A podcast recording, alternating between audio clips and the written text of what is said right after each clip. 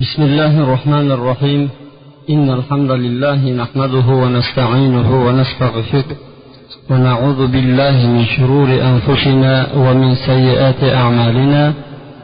من يهده الله فلا مضل له ومن يضلل فلا هادي له. وأشهد أن لا إله إلا الله وحده لا شريك له. وأشهد أن محمدا عبده ورسوله. أما بعد. assalomu alaykum va rahmatullohi va barakatuh alloh taologa hamdu sano payg'ambar sollallohu alayhi vasallamga salovatu durudlar bo'lsin sizlar bilan alloh subhanava taologa iymon keltirishlik bobi haqida suhbatlashayotgan edik ya'ni la ilaha illalloh kalimasini ma'nolariga to'xtalayotgan edik la ilaha degani iloh yo'qdir. Ya'ni alloh subhanava taologa sherik qo'shishlik yo'qdir. Ana shu sheriklar haqida shirklar haqida suhbatlashib ana shu suhbatlarimizni inshaalloh bugun e, mana shu mavzudagi oxiriga to'xtaymizu. Lekin albatta bu mavzular shu bilan to'xtab qoladi degan umidda emasmiz. Alloh subhanava taolo qur'oni karimda marhamat qilib aytadiki qul aroaytum ma tad'una min dunillahi in aradani alloh bidurrin hal hunna kashifatu zurri ey muhammad sollallohu alayhi vasallam ayting deydi. Qani ularga aytingchi ey ollohdan boshqaga ibodat qilayotgan kimsalar qani xabar beringlarchi? Agar alloh taolo biron bir zararni iroda qiladigan bo'lsa ana shu ollohdan boshqaga duo qilayotgan narsalaringiz ana shu zararlarni ochib yuborishlikka qodirmi deydi. Shu zararlarni chiqara biladimi? Qani xabar beringchi deb aytyapti. Demak alloh subhanava taolodan boshqa zararni ketkizadigan ziyon zahmatni ko'taradigan balo ofatlarini keltirmaydigan biron bir zot yo'q ekan. Faqatgina bu alloh subhanava taoloni o'zigina. Hud alayhissalom yakka ollohni o'ziga da'vat qilayotgan paytlarida qavmi hud alayhissalomga qarab aytdiki ya'ni bizni olihalarimiz senga biron bir ziyon yetkazib qolmasin dedi ehtiyot bo'l dedi san bu ilohlarimizga til tekkizyapsan bu ilohlarimiz tomonidan senga biron bir zahmat ziyon yetib kelmasin yana deb shunda hud alayhissalom aytdiki sizlar meni shu ilohlaringiz bilan qo'rqityapsizlarmi deydi ular aytdiki san payqab turgin birozdan keyin senga bir ofat kulfat yetib keladi degan paytda hud alayhissalom aytdiki yo'q kutmanglar dedi.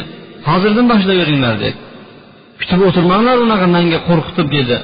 Rost ilohlaringiz menga biron bir narsa yetkazadigan bo'lsa dedi.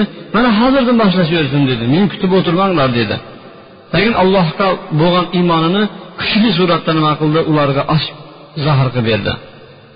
Mana shu bobda keladigan hadislarga ham to'xtalib o'tamizki alloh haq subhanava taolodan boshqa biron bir maxluqlar yordam bera biladimi berolmaydimi? Payg'ambar sollallohu alayhi vasallam bir kishini qo'lida bir temirdan biron bir narsa taqib olgan kishini ko'rdiki bu hadisni imron ibn husayn rivoyat qiladiki payg'ambar alayhissalom boyag'ini so'radiki bu qo'lindagi nimadir deb. Shunda imom ibn husayn rivoyat qilyapti bu hadisni. Haligi taqib kishi aytdiki minal vahina dedi. Minal vahina degani badandagi bo'ladigan holsizlik kasalligi.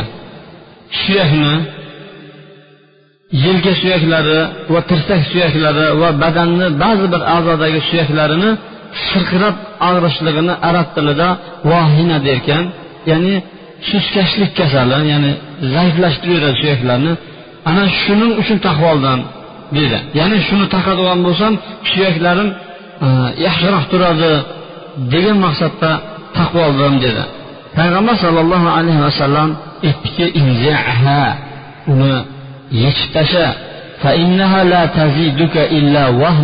Chunki u senga battar holsizlikni ziyoda qiladi. Agar san qo'lingda mana holatda shu e'tiqodingda o'lib ketadigan bo'lsang vafot etadigan bo'lsang ma aflahta abada san najot topmaysan dedi bu voqea payg'ambar sollallohu alayhi vasallam davrlaridagi bo'lgan voqea edi. Payg'ambar sollallohu alayhi vasallam bu voqeada bevosita ishtirok etayotgan edi. Bu temir halqani taqvogan kishi u sahobiy edi. Payg'ambar alayhissalom aytdiki agar san mana shu e'tiqodingda vafot etib ketadigan bo'lsang dedi san najot topmaysan dedi.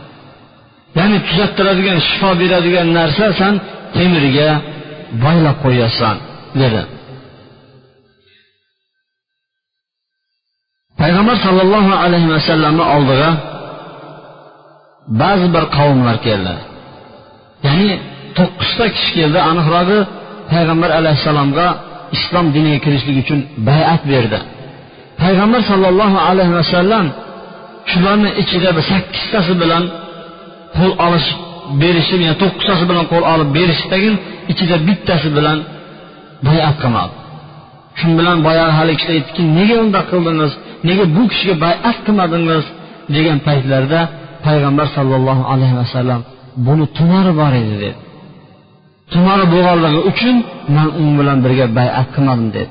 Haligi kishi shunday bo'ynilariga tiqdi qo'llarini va tumarlarini shunday uzib tashlagandan keyin payg'ambar alayhissalom keyin qo'l ushlashib turib undan islomni qabul qilib turib bayatlarini qabul qilgan ekan u kishidan bu hadisda ham tumor taqishlik shirkligiga dalolat qiladiki payg'ambar sollallohu alayhi vasallam ana shundan keyin aytdiki man taallaqa tamimatan faqad ashraka. Kimki tumor taqsa shirk keltiribdi dedi. Bu ikkinchi hadis. Uchinchi hadis huzayfat ibn yamoniy roziyallohu anhudan rivoyat qilinadi. Huzayfat ibn yamoniy bir kasalni ziyorat qilishlikqa boradi. Ya'ni bir kasalni holidan xabar olay deb borsa u kishini qo'llarida e, ip ko'radi qo'liga ip boylab olgan ekan. Shu bilan aytdiki boya borib bu ipni nima uchun taqib oldingiz? degan paytda bu itga manga dam solib berishgan edi. Shu mana shu bezgak kasali bor ekan u kishida. Shu bezgak kasali shu yengillatarmikin degan maqsadda taqib oldim. Menga bunga dam urib berishgan edi degan paytda huzayfat ibn yamoni shundoq ushlab iplarini uzib tashlab turib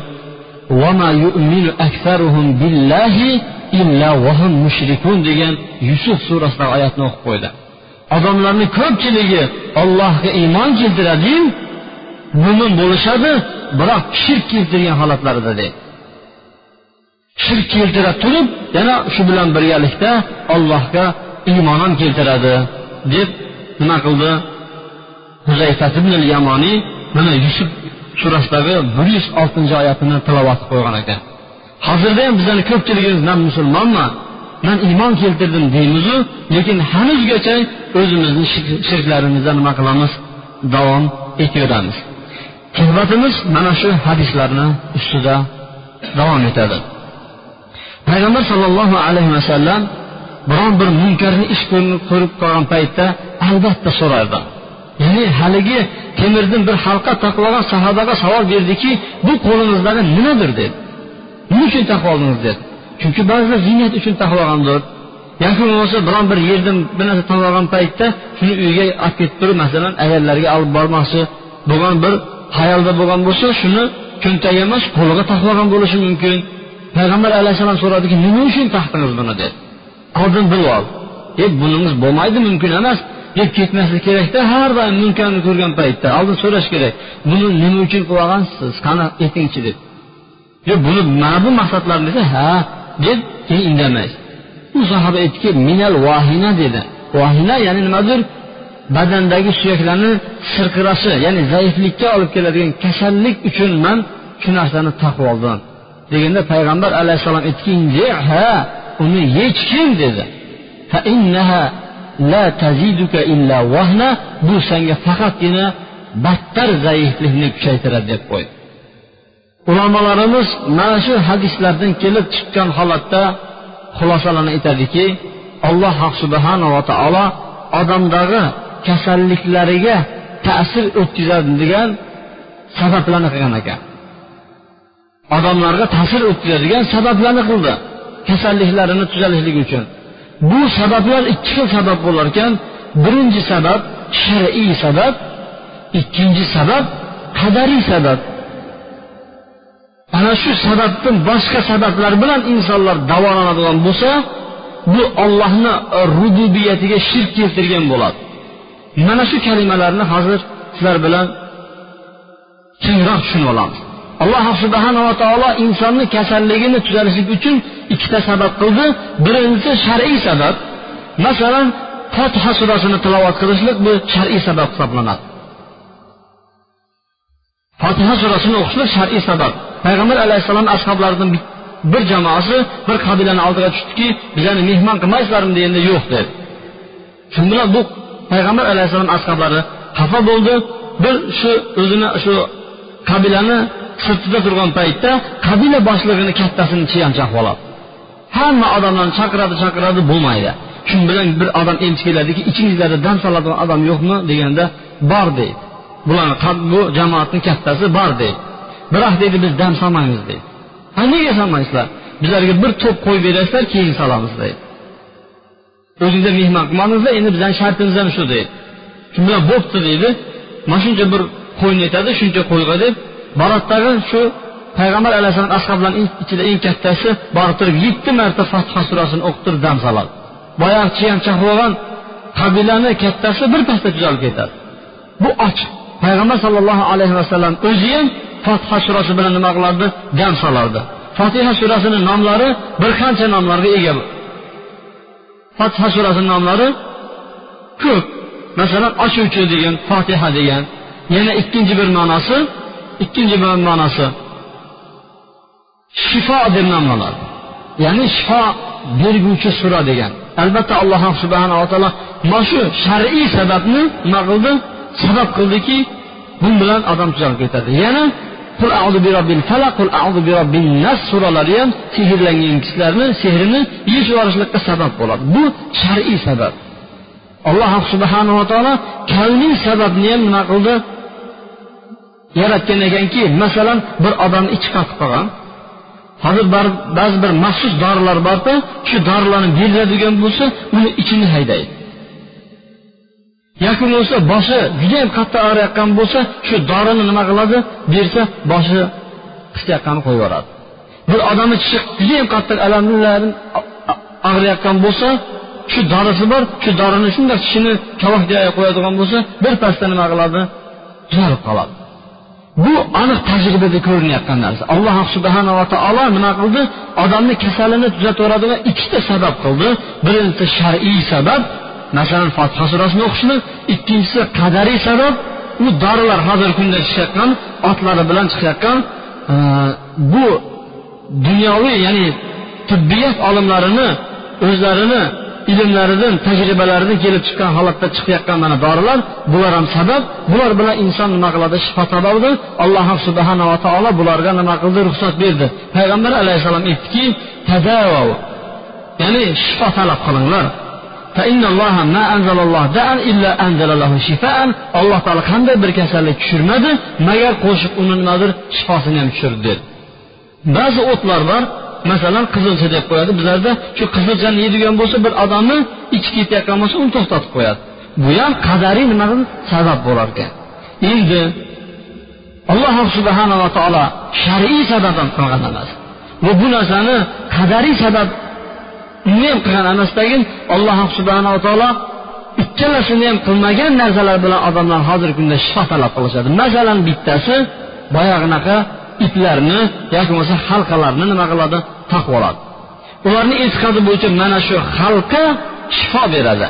Mana shu ip bezga kasalidan nima qiladi? Aritadi.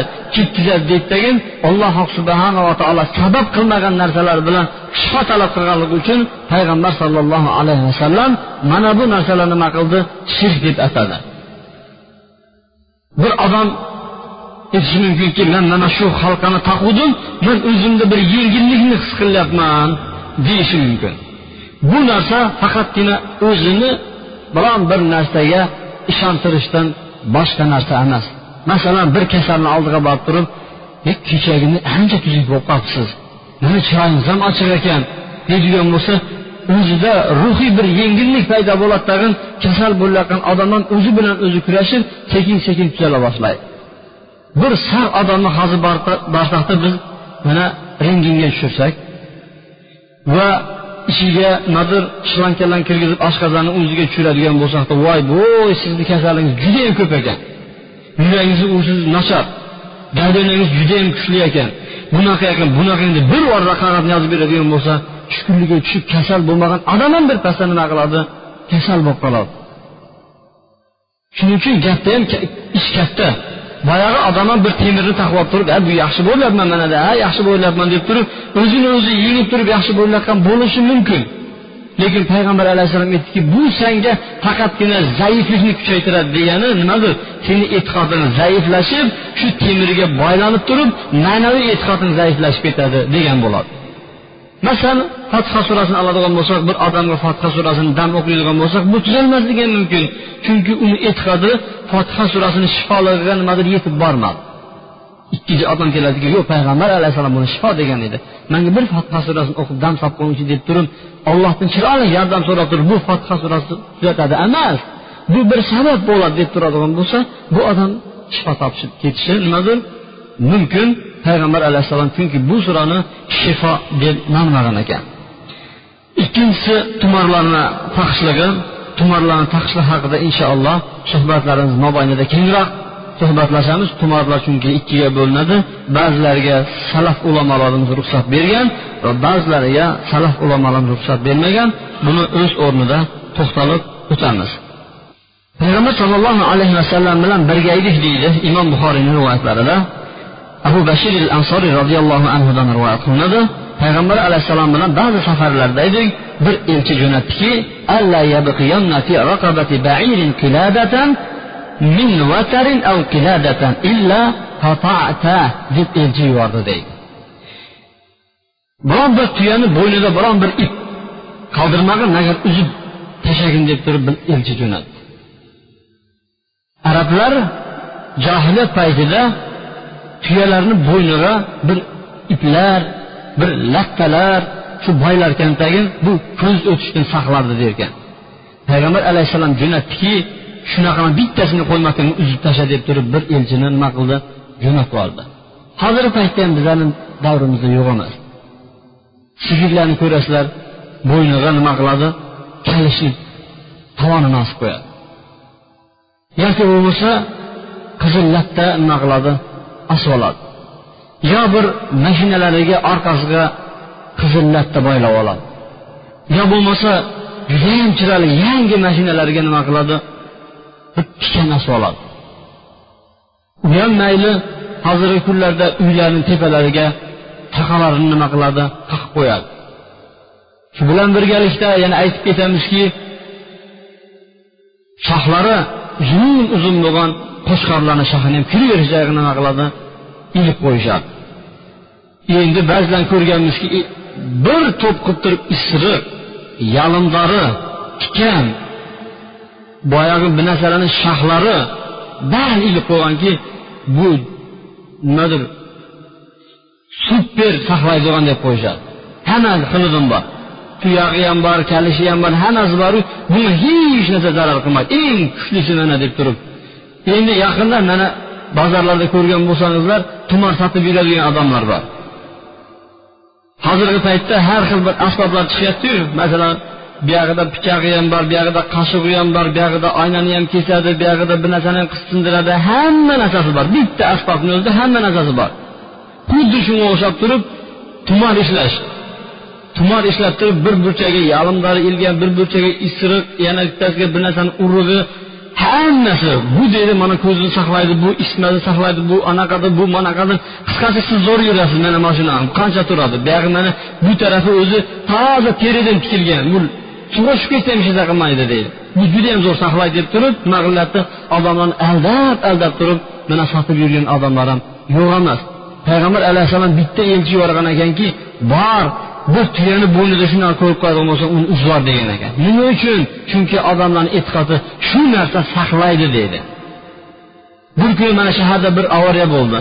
Avariya bo'lib turib shu bir musulmon yigit ekanu musulmon yigit orqasi qizillabda boylab olgan ekan bir musulmon bo'lmagan yigit tushib turib deydi mana xudo xudong deb aytmaydi mana saqlayapmabdida deb ustidan kulyapti deydi.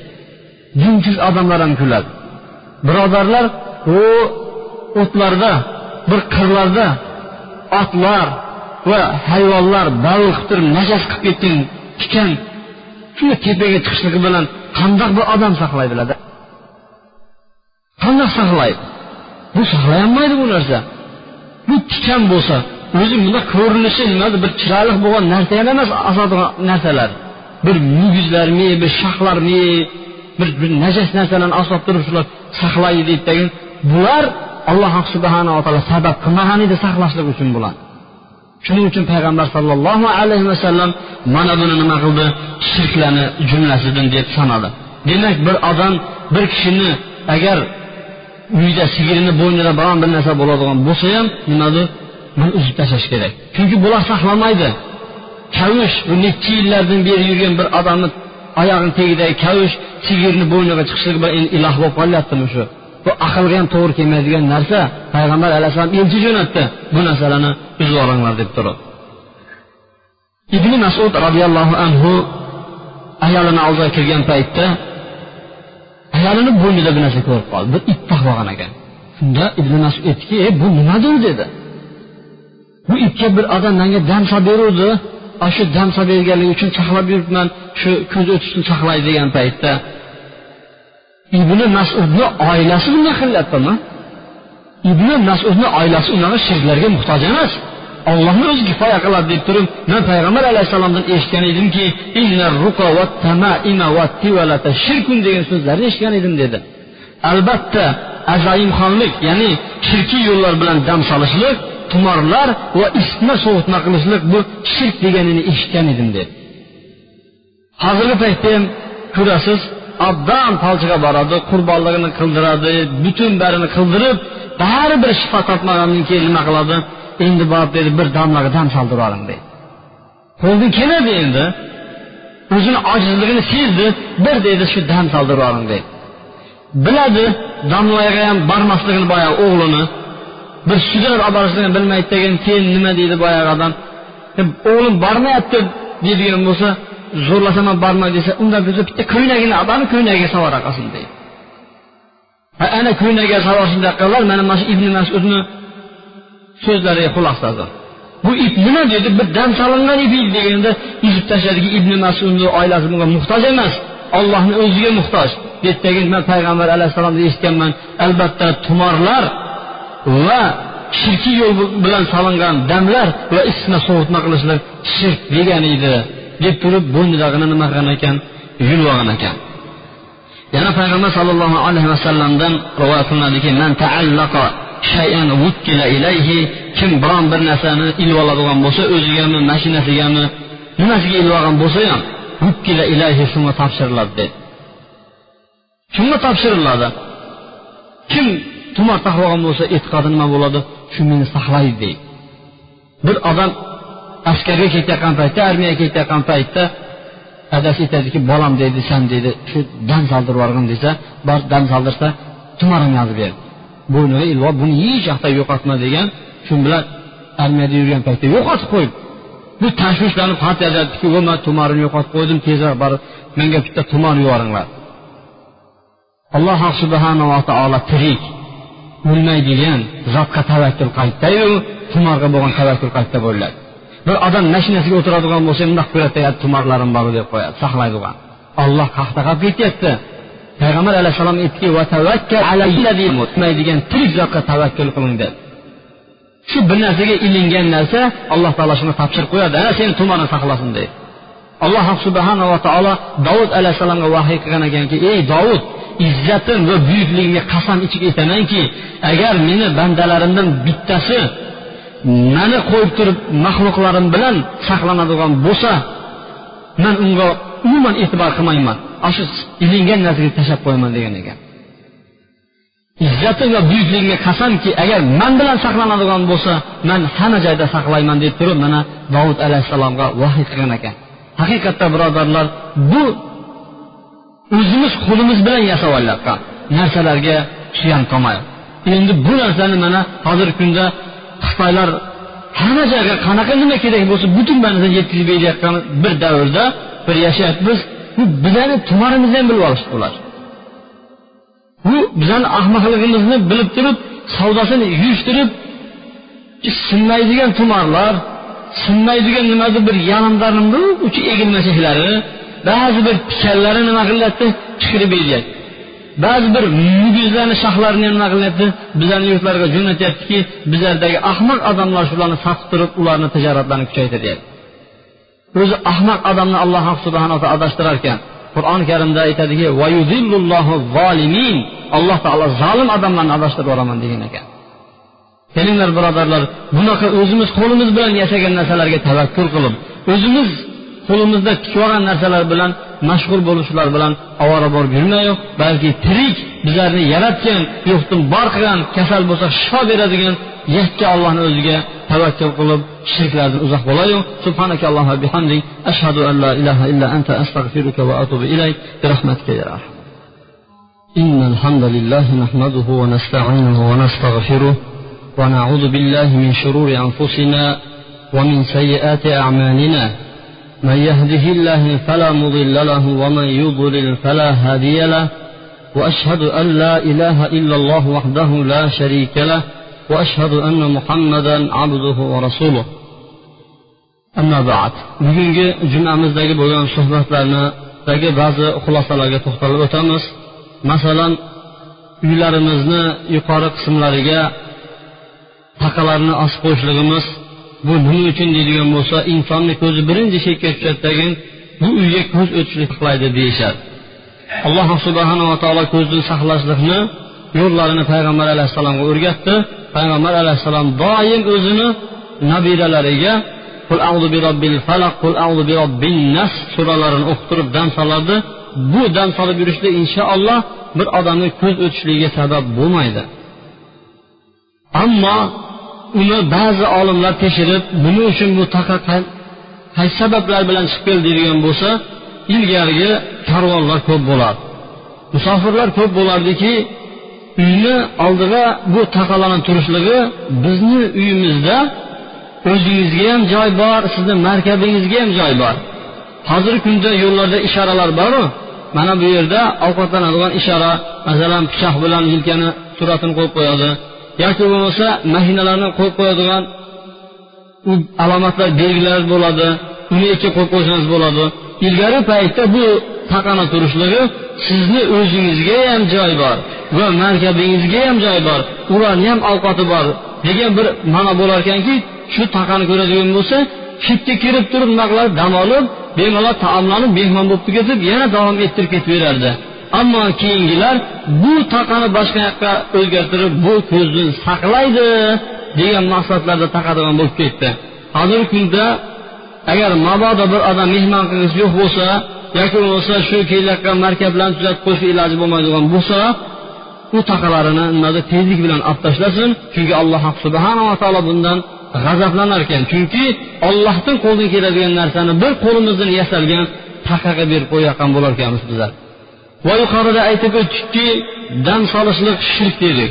Dam solishni payg'ambar alayhissalom o'zlari solgan va boshqalarni ham o'ziga soldirgan. Oysha onamiz payg'ambar alayhissalomga solgan faqatgina bittagi bo'layotgan dam shirkiy yo'llar bilan dam solishlar ollohdan boshqasidan madad so'rab o'liklardan jinlardan payg'ambarlardan farishtalardan xullas kalom ollohdan boshqasidan nimadan yordam so'rab dam solinadigan bo'lsa bu shirk bo'ladi. Ammo dam solishlikqa ruxsat beradigan uchta shart bor shariatda. Birinchisi birinchi sharti e'tiqod qilish kerakki bu shifoni beradigan olloh dam solayotgan kishi ham emas va dam solinayotgan dami ham emas. Dam solinayotgan narsa va dam solinayotgan shaxslar bular faqatgina bir sabab deb e'tiqod qilish kerak. Buni shifoni beradigan olloh degan e'tiqodimiz bo'lishi kerak. Birinchisi ikkinchisi ikkinchi e, shartlari bu dam belgili bo'lishi kerak. Aniq bo'lishi kerak. Ya'ni aniq deganingiz qandaqdir qur'on va sunnatdan bo'lishi kerak. Keyingisi ba'zilar uchinchi shartni qo'ygandan keyingi arab tilida bo'lishi kerak deydi lekin bu juda kuchli so'z emas. O'zbek tilida bo'lsa ham boshqa tillarda bo'ladigan bo'lsa ham ollohni ism sifatlarini ollohni ism sifatlaridan yordam so'rab turib qur'on o'qib turib hadislardan kelgan duolar bilan dam solinadigan bo'lsa bu damga ruxsat beriladi. Ammo bundan boshqa uch shartdan boshqa yo'llar bilan dam solinadigan bo'lsa bu shirkiy dam bo'ladi. Va uchinchi qiladigan xulosamiz payg'ambar sollallohu alayhi vasallam tumorlarni ham shirk deb atagan ediyu lekin bu tumorlar ikkiga bo'linadi. Ruxsat berilgan tumorlar qur'ondan bo'lgan tumorlarga ruxsat berishgan faqat tumorlarni o'zi bo'lsa ham bu ruxsat bergan sahobalar ya'ni salaflar tobiinlar judayam kamchilikni tashkil qilar ekan ammo qaytargan yo'q tumorni qur'ondan bo'lgani ham mumkin emas deganlar judayam ko'pchilikni tashkil qiladi va bularni so'zlari kuchliroqdir deydi. Chunki kuchli deyishligi sabab dedi. Birinchidan payg'ambar sollallohu alayhi vasallamni o'zlari tumor yozib bermadilar. Bu birinchisi. Ikkinchisi tumor yozib berilgan odam tumoriga ozgina bo'lsa ham suyanadi va tavakkul qiladi. Ozgina bo'lsa ham kichkina bo'lsa ham tavakkuli shunda bo'ladi. Uchinchisi bu tumorlarni bu qur'on oyatlarini xor qilish bo'ladi. Bir odam hojatxonaga kirib ketishi mumkin bir odam kalla suvi kalla qo'yadigan bo'lsa boyagi uyib ketishi mumkin va hokazo. Va uchinchi qismi bolalarga beradigan bo'lsa yosh bolalar endi bular qur'on o'qiy bilmaydiyu deydigan bo'lsa uni so'laga qishi mumkin uzoq turib ostida beshigini ostida qolib ketishi mumkin ifloslanib qolish ehtimollari bor bo'lganligi uchun nima qiladi ko'pchilik olimlar bu tumorlarni turiga ham ruxsat berishmaydi. Hozirgi kunda ba'zi bir tumorlar chiqqanki shu tumorni ichiga butun bir qur'on oyatlarini sig'dirishgan kichkina harflar bilan.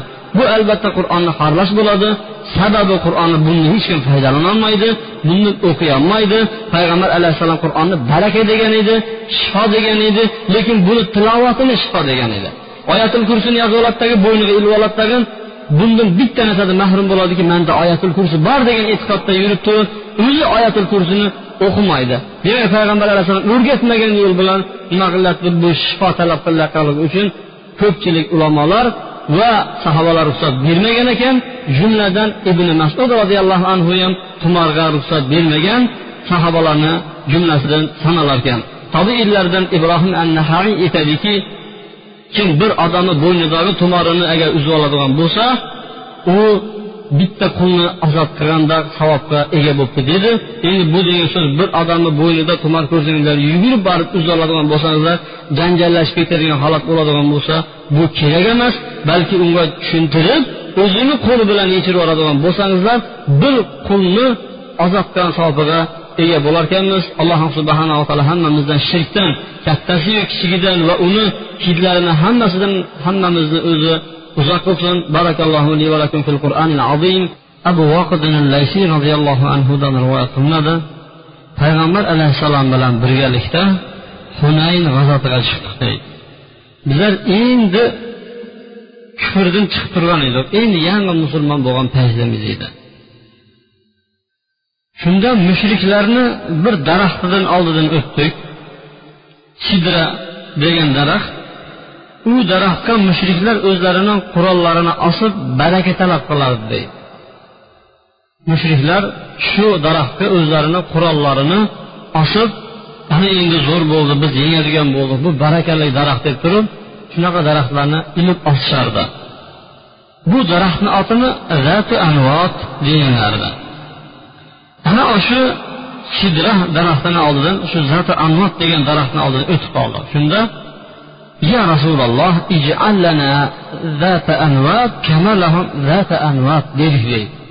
ya rasululloh bizlarga ham mana shunaqa zati anvat qilib bersangizchi dedi ha bizlar ham urushga ketyapmiz.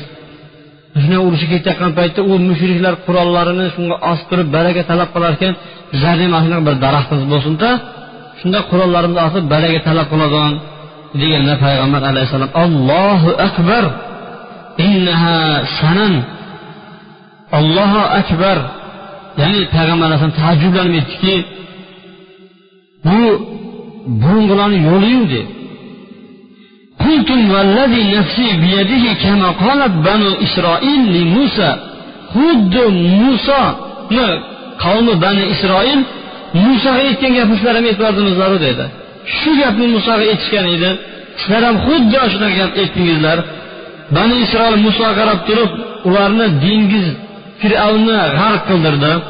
Bu muso alayhissalom uni qavmi dengizga g'arq bo'lishdan qutuldi va fir'avnni zulmidan qutulib shundoq boyagi nimadir nil daryosidan o'tuvdi. Bu yoqda shunaqa katta mo'jizalarni ko'rib turgan bo'lsa ham butga sig'inib turgan odamlarni oldidan chiqishganda nima deyishdi boyagi bizani ham xuddi mana shunaqa xudo qilib bersa dedi. Ularni xudosi bor ekan ko'rinib sig'ib turibdi. Bizlarga mana shunaqa bir iloh qilib berchi deganda muso alayhissalom sizlar jahil qavmsizlar dedi. Tushunmaysizlar dedi. Fir'avndan qutuldirgan olloh uni g'arq qilgan olloh sizlarga judayam ko'p ne'matni bergan olloh shundoq bo'lsa ham yana bizlarga bir iloh qilib bering deysizlar. Sizlar jahl ekansizlar deb turib muso alayhissalom aytdi. Sana mana shunday gapni aytibordingizlar dedi. Dedi. Sizlar o'zingizlardan oldingi o'tgan ummatlarni yo'llariga ergashib ketasizlar dedi. Bir rivoyatda qadamma qarish dedi. Qarishma qarish dedi. Ikkinchi bir rivoyatda aytdiki agar dedi oldingi odamlar kalta kechakni kirib ketgan bo'lsa sizlar ham shu yerga kirib ketasizlar dedi. Yana bir rivoyatda aytdiki ilgari o'tgan odamlar agar onasi bilan ham yotgan edi dedi zina qilgan edi bu ummatnikida ichidan xuddi shunaqasi topiladi dedi. Ergashib ketasizlar sizlar deb payg'ambar alayhissalom nima qildi? Mana shu ishlarini xabarini berdi. Demak bu hadis bizlarga nimani ko'rsatadi? Baraka yog'och tosh buloq tog'lar daraxtlardan baraka talab qilishlik shirkligini ko'rsatadiki payg'ambar alayhissalom hattoki allohu akbar deyapti e bu ollohdan boshqasiga ibodat qilishligu deb turib nima qildi bu so'zni kuchaytirib takbir etdi imom termizini rivoyatlarida subhanalloh degan ekan. Payg'ambar alayhissalom buni shirkligini nima qildi? Bayon qildiki hozirgi kunda bizani yurtlarda ham mana shu shirkni turi yo'q emas. Molikinani imomlaridan abu bakr degan zot aytadilarki qaysi bir daraxtga bir lattani boylayotgan bo'lsa bir ipni boylayotgan bo'lsa shuni kesib tashlash kerak deydi. Hattoki mana shu shirkni hidi topilmasligi uchun deydi. Ammo hozirgi kunda bir katta zararlar bo'ladigan bo'lsa chunki bizlarda o'zini musulmon sanaydiyu lekin islomdan uzoqda bo'lgan odamlar ko'p. Bir daraxtga ip boylasangiz siz bordingiz tag'in daraxtni ildiz pildizi bilan qo'porib sug'urib tashlab ketsangiz ertasi kuni uyingizga hujjatlarni ko'rsatib turib ba'zi odamlar keladiki siz shunaqa bir jinoyat ish qilibsiz deb turib bu katta kalanga bo'lib turib sizlar manaqa toifadagi odam ekansizlar sizlar undoq ekan bundoq ekan deb turib nima qiladi? Katta zarar bo'lib qolishi mumkin lekin biz bu daraxtlarni kesishimizdan oldin jamiyatdagi odamlarni qalbidagi e'tiqodlarini tozalashimiz kerak. Yuzta odamni uchtasi shirkni tushiradi. Mana shunaqa hadisdan eshitgan bir ikkita yigitlar borib turib bir daraxtni tagidan qo'porib deb. Bir qabristonda ekan endi shu bilan to'xtadim deydigan bo'lsa to'xtamagan balki boyagi daraxtni kesilgan joyidan mana shunday temirlarni ishlatib специальный xomutlar qilib turib daraxtni qisib mahkam ballab ketishdi shirkka nimadir shovvoz bo'lgan odamlar.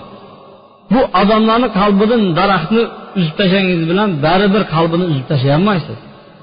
Uni qalbidagi nimadir shirkni uzib tashlashimiz kerak bizlar shunda boyagi aytayotgan nimadir ibrohim nahaiyni aytgan so'ziga tushamiz inshaalloh bitta qulni ozod qilgan savob beriladi. Shu latta boylayotgan odamlarga tushuntirishimiz kerak. Nima uchun boylayapti?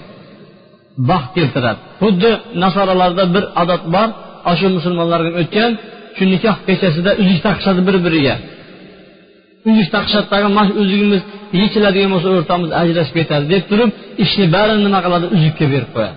Go'yoki ularni baxtini ushlab turgan narsa uzuk baxt keltiradi.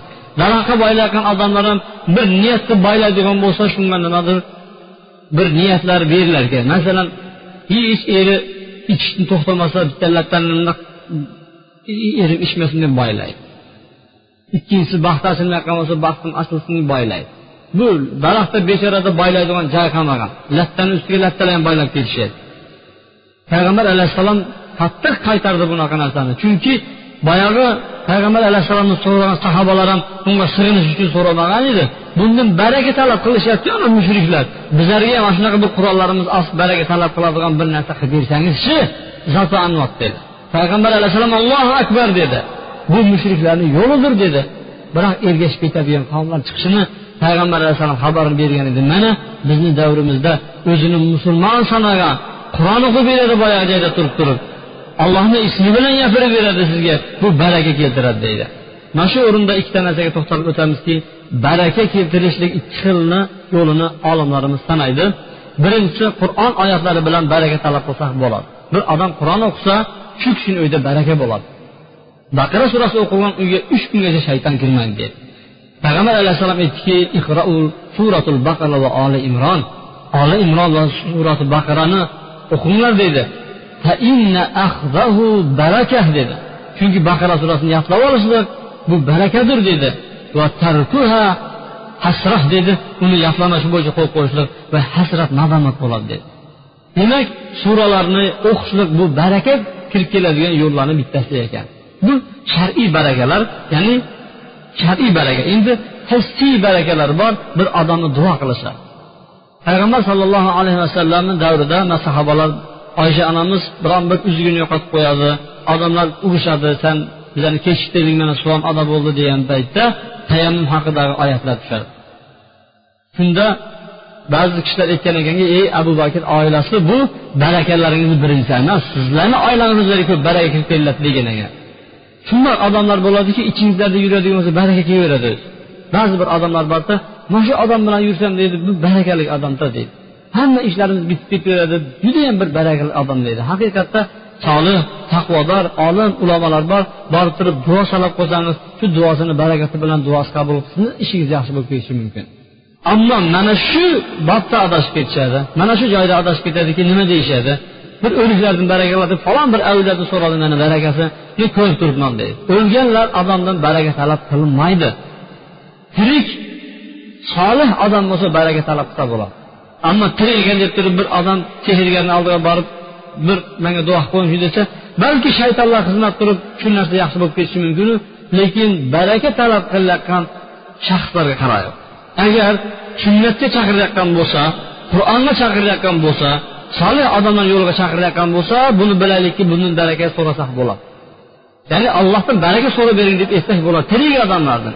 Ammo ikkinchi tirik odamim bor nima qildi? Bor shu mazoratga bitta qurbonlik qo'ysangiz bo'ldi yoki bo'lmasa bitta ish chiqarib yuborsangiz bo'ldi man bir duo qilib yuboraman deyotgan bo'lsa shu yo'l bilan baraka talab qilinayotgan bo'lsa bu shirkka zarovatga chaqirilyapti. Bu yo'l bilan biz baraka talab qilmas ekanmiz. Suhbatimiz shirk haqida inshaalloh mana shu yerda yakunlasaymiz.